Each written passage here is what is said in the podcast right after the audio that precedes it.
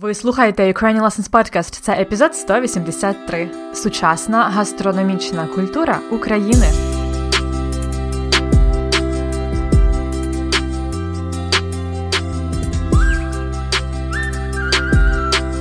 Добрий день, це Анна Огойко, і ви слухаєте подкаст Уроки української. Подкаст для всіх, хто вивчає і любить українську мову.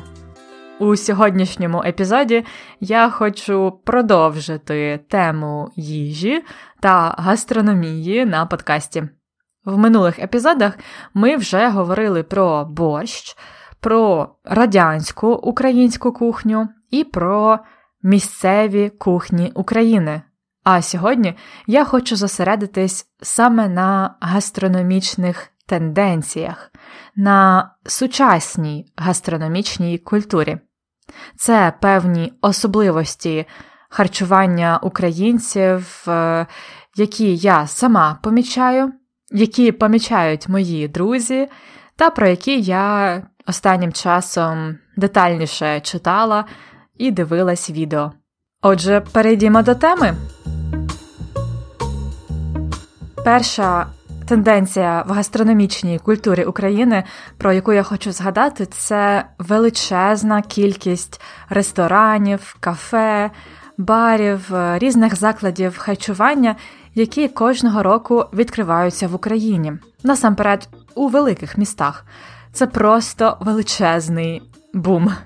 Особливо я помічаю це, оскільки зараз е, не живу в Україні, і коли приїжджаю додому, то завжди бачу, що відкрились нові заклади, нові кафешки, кав'ярні. Мої друзі постійно розповідають мені про якісь цікаві нові ресторани, в які вони ходили. І в інтернеті навіть я знайшла статтю, де є список 200 нових ресторанів і кав'ярень, які відкрились в Києві за минулий 2020 рік. 200 нових ресторанів і кав'ярень, і це в часи карантину.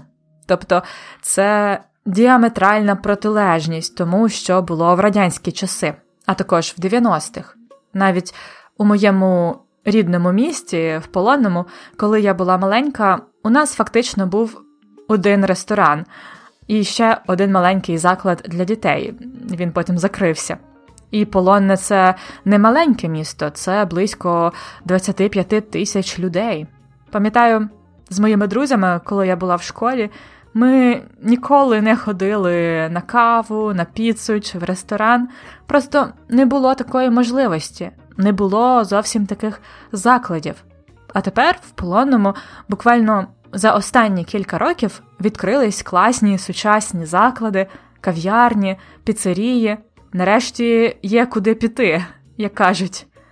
Ну а у великих містах, особливо в Києві, у Львові, у Харкові, Дніпрі, Одесі, відкривають справді унікальні заклади.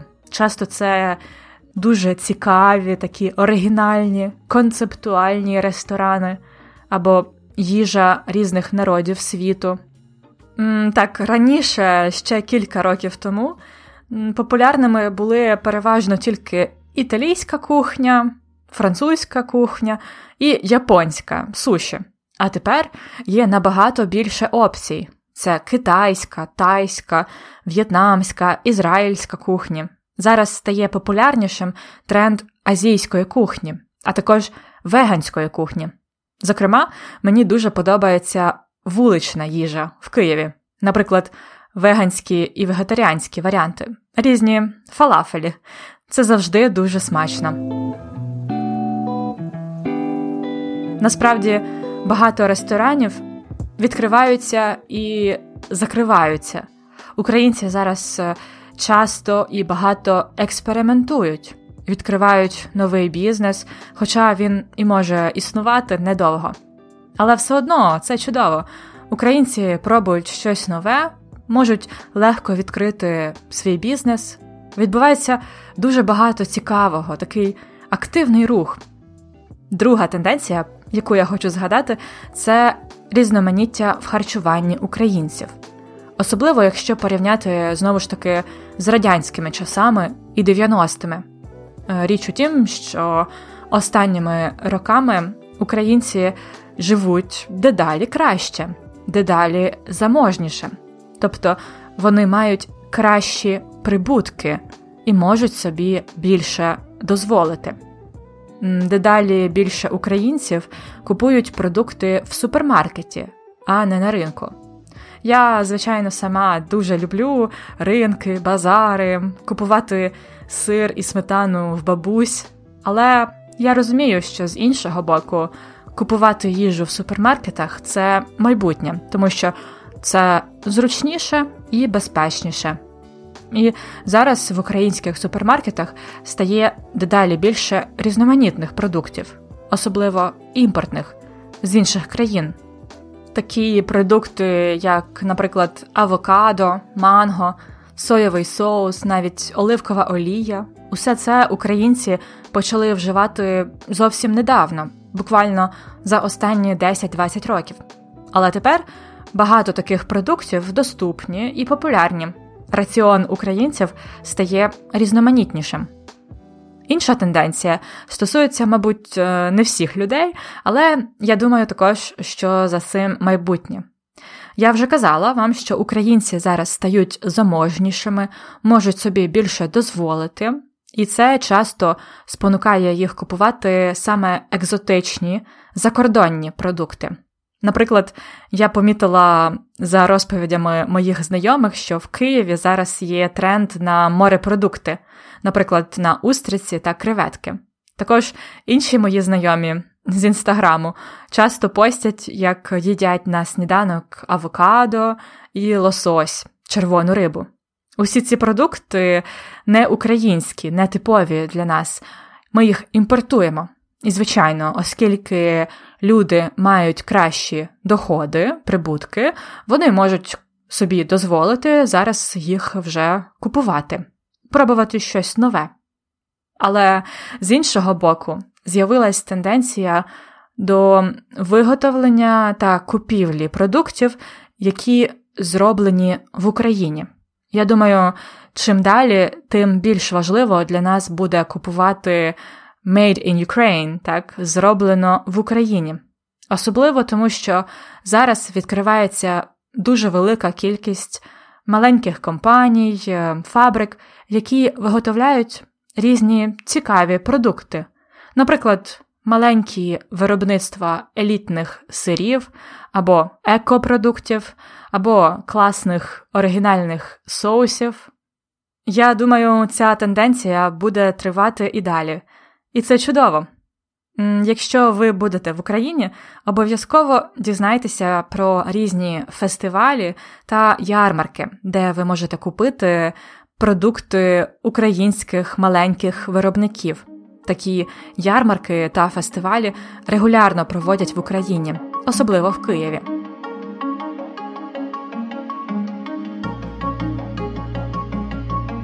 І остання тенденція, яку я хочу сьогодні згадати, вона є, можливо, найцікавішою це переосмислення української кухні. Як ви могли дізнатися з епізоду про радянський період в українській гастрономії, політика СРСР сильно звузила поняття української кухні.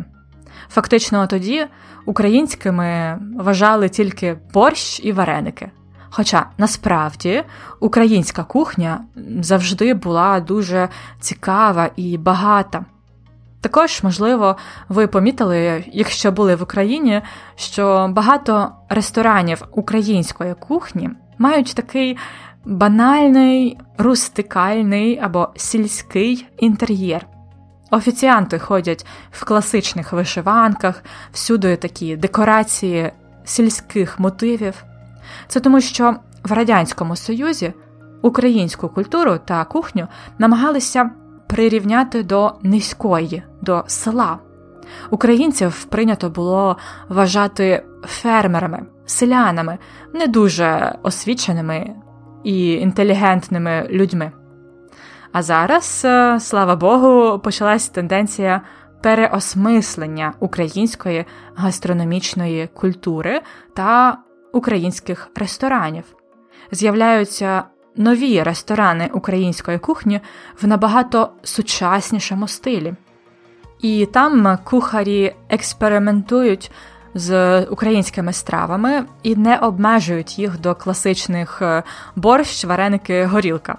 У Києві це такі ресторани, як е, Остання барикада, Канапа та «100 років тому вперед. Окремо хочу згадати про засновника ресторану «100 років тому вперед Євгена Клопотенка. Це просто фантастична людина, яка останнім часом стала в Україні справжньою суперзіркою. Євген поставив собі дуже чітку і амбітну мету повернути з минулого забуті українські страви, відновити українську кухню так, ніби СРСР не було, ніби не було радянського періоду в історії України. А якби Україна за останні 100 років була незалежною і ніхто не обмежував розвиток нашої культури. Євген Клопотенко досліджує і повертає з минулого старі рецепти українських страв.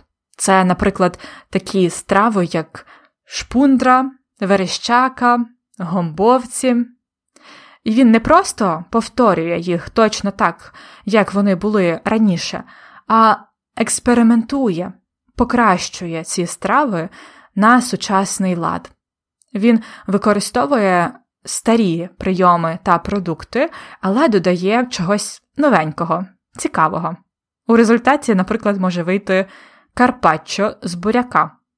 Мені насправді дуже імпонують такі експерименти з їжею, особливо з українськими стравами. І я дуже чекаю, коли цього року буду в Україні і відвідаю ресторан нової української кухні Євгена Клопотенка.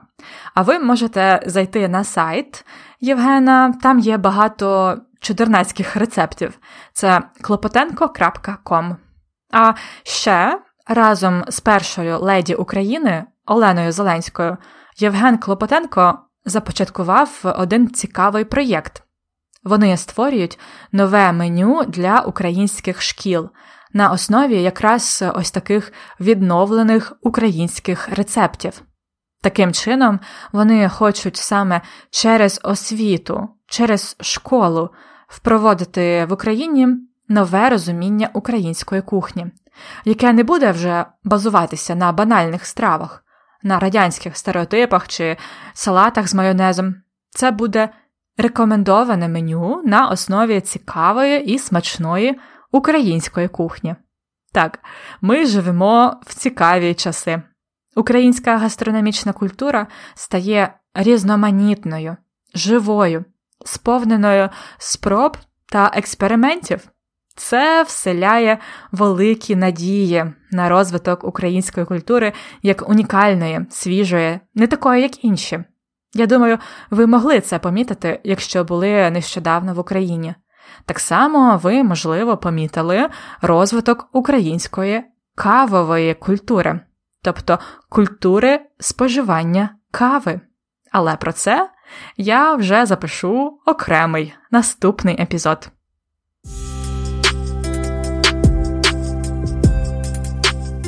Десять корисних речень. А зараз, як завжди, розберімо десяток цікавих і корисних для вас речень. Готові? Речення номер один це діаметральна протилежність тому, що було в радянські часи. Тобто сучасна різноманітна гастрономічна культура діаметрально протилежна або повністю абсолютно протилежна тому, що було в радянські часи. Це діаметральна протилежність або абсолютна протилежність. Тобто це дуже-дуже відрізняється, як е, інь і янь. Протилежність. Повторіть. Це діаметральна протилежність тому, що було в радянські часи. Речення номер 2 про полонне. Нарешті є куди піти. Ми говоримо, що в якомусь місті чи районі є куди піти, Якщо там є цікаві заклади, ресторани чи інші заклади, наприклад, кінотеатри, там є цікаві місця, де можна цікаво провести час. А якщо, наприклад, місто нудне, там нема куди піти. Там зовсім немає цікавих місць, ресторанів, там немає що робити. Раніше в полонному не було куди піти, а зараз є куди піти. Це кав'ярні, кафешки, піцерії. Повторіть ще раз. Нарешті є куди піти. А наступне речення номер 3 про Київ. Мені дуже подобається вулична їжа в Києві. Вулична їжа це їжа, яку їдять на вулиці, тобто не в ресторані, а на дворі. Наприклад, ходоги це вулична їжа. У Києві дуже смачна веганська вулична їжа, наприклад, фалафель. Повторіть, мені дуже подобається вулична їжа в Києві. Наступне речення четверте. Українці живуть дедалі краще, дедалі заможніше, дедалі краще, тобто краще і краще, як сказали б англійською, дедалі заможніше, тобто більш і більш заможно. Заможний означає багатий, той, хто має багато грошей. Заможній, заможно. Повторіть.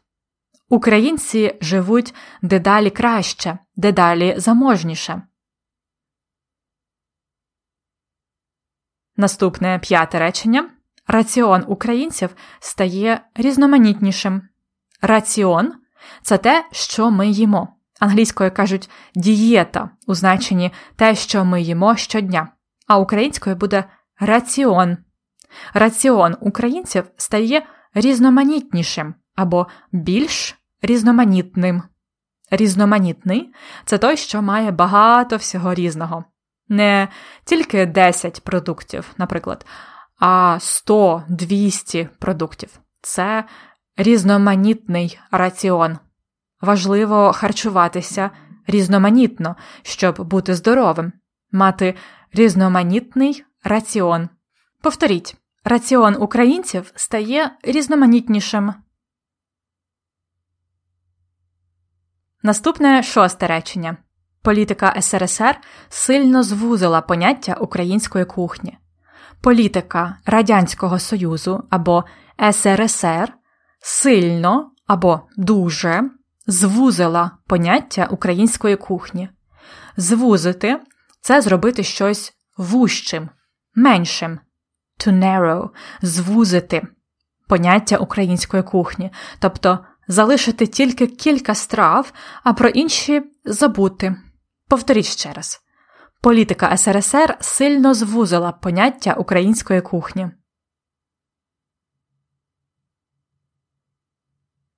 Далі сьоме речення про Євгена Клопотенка. Він поставив собі дуже чітку й амбітну мету поставити мету це вирішити щось зробити в майбутньому. Мета або ціль це те, чого ви хочете досягти. Євген Клопотенко поставив собі чітку, тобто специфічну й амбітну мету відновити українську кухню так, якби не було СРСР. Повторіть ще раз він поставив собі дуже чітку й амбітну мету. Речення номер 8 Мені дуже імпонують такі експерименти з їжею. Якщо вам подобається щось, що робить хтось інший, ви можете сказати Мені імпонує це, або Мені імпонують такі думки. Тобто я погоджуюсь з цим, мені це подобається, імпонує. Наприклад, мені імпонують сучасні гастрономічні тенденції в Україні. Особливо мені імпонують експерименти з їжею, а також мені імпонує рух, зроблено в Україні. Повторіть, мені дуже імпонують такі експерименти з їжею. Наступне речення дев'яте. Там є багато чудернацьких рецептів. Це я говорила про сайт Євгена Клопотенка. Там є багато чудернацьких рецептів. Чудернацький це такий дуже цікавий, але трохи дивний. Наприклад, рецепт е, борщу з чорносливом це чудернацький рецепт, або карпаччо з буряка це теж щось чудернацьке, правда? Інший прикметник химерний. Повторіть, там є багато чудернацьких рецептів. І наприкінці своєї розповіді я сказала, що українська гастрономічна культура стає різноманітною, живою, сповненою спроб та експериментів, і це вселяє великі надії, вселяти надії в когось або вселити надії. Це робити так, що приходить надія, так що ми віримо в краще. Я казала, що ми живемо зараз в цікаві часи. Українська культура стає цікавою, різноманітною, і це вселяє великі надії на розвиток української культури як унікальної, свіжої, не такої, як інші. Повторіть маленьке речення це вселяє великі надії.